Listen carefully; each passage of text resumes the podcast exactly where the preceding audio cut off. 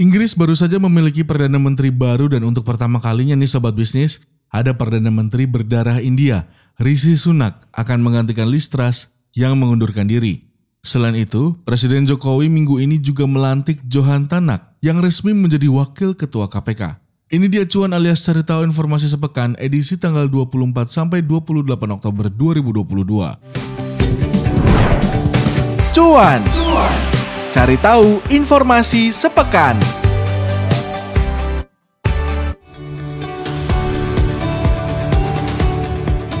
Berita pertama ada Rishi Sunak yang dipastikan menjadi Perdana Menteri Inggris setelah saingan terakhirnya yang tersisa Penny Mordaunt mundur dari persaingan meraih kursi pimpinan 10 Downing Street. Ini adalah perubahan yang luar biasa dalam nasib politik Sunak setelah mantan Menteri Keuangan itu mundur dari pemerintahan Boris Johnson pada Juli 2022 dan kemudian kalah dari Liz Truss dalam kontes kepemimpinan terakhir selama musim panas. Meski demikian, peringatan Sunak yang berulang-ulang bahwa rencana Truss akan memicu kekacauan ekonomi terbukti benar dan menempatkannya di posisi terdepan ketika Perdana Menteri Truss mundur. Meski demikian, dia masih dipandang sebelah mata oleh banyak anggota parlemen karena perannya dalam kejatuhan Johnson. Apalagi Boris Johnson sempat tergoda untuk mencalonkan diri lagi sebagai Perdana Menteri. Namun Boris Johnson akhirnya mengundurkan diri dari bursa pencalonan dengan mengatakan Meski memiliki cukup dukungan untuk pemungutan suara, ia menyadari bahwa negaranya dan partai konservatif membutuhkan persatuan. Berikutnya berita kedua adalah Elon Musk yang resmi menyelesaikan proses akuisisi dari Twitter dengan nilai yang fantastis 44 miliar US dollar atau setara 683 miliar rupiah setelah proses yang memicu polemik selama berbulan-bulan ya sobat bisnis. Dilansir dari Bloomberg, pemegang saham publik Twitter akan menerima pembayaran senilai 54,2 US dollar per saham sesuai kesepakatan. Setelah mengambil kendali Twitter, Elon Musk langsung kemudian merombak jajaran pimpinan Twitter. Musk mencopot CEO Twitter Parag Agrawal, Head of Legal Vijaya Gad, CFO Ned Segal, dan penasihat umum Twitter Sean Ejet juga dicopot semuanya. Penyelesaian akuisisi ini menutup kisah panjang proses akuisisi yang penuh dengan drama dari Elon Musk ya.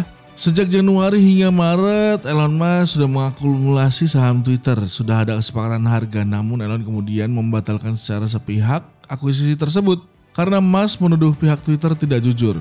Pembatalan ini sendiri berujung pada tuntutan hukum dari Twitter kepada Elon Musk.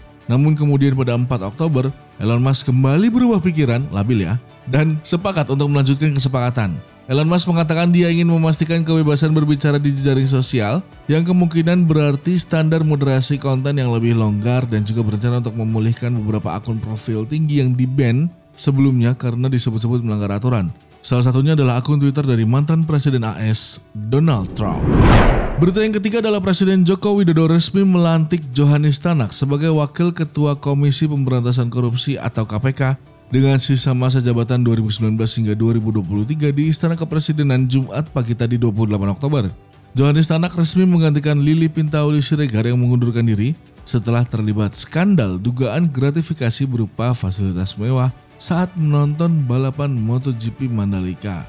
Adapun Johannes Tanak sendiri punya karir yang cukup cemerlang ya di bidang kejaksaan Tahun 2014, Johannes Tanak pernah menjabat Wakil Kepala Kejaksaan Tinggi Riau. Terus di tahun yang sama dia dipindah tugaskan menjadi Kepala Kejaksaan Tinggi Sulawesi Tengah. Terus kemudian Johannes Tanak menangani perkara tindak pidana yang melibatkan mantan Gubernur Sulawesi Tengah, Majen TNI Purnawirawan HB Paliuju.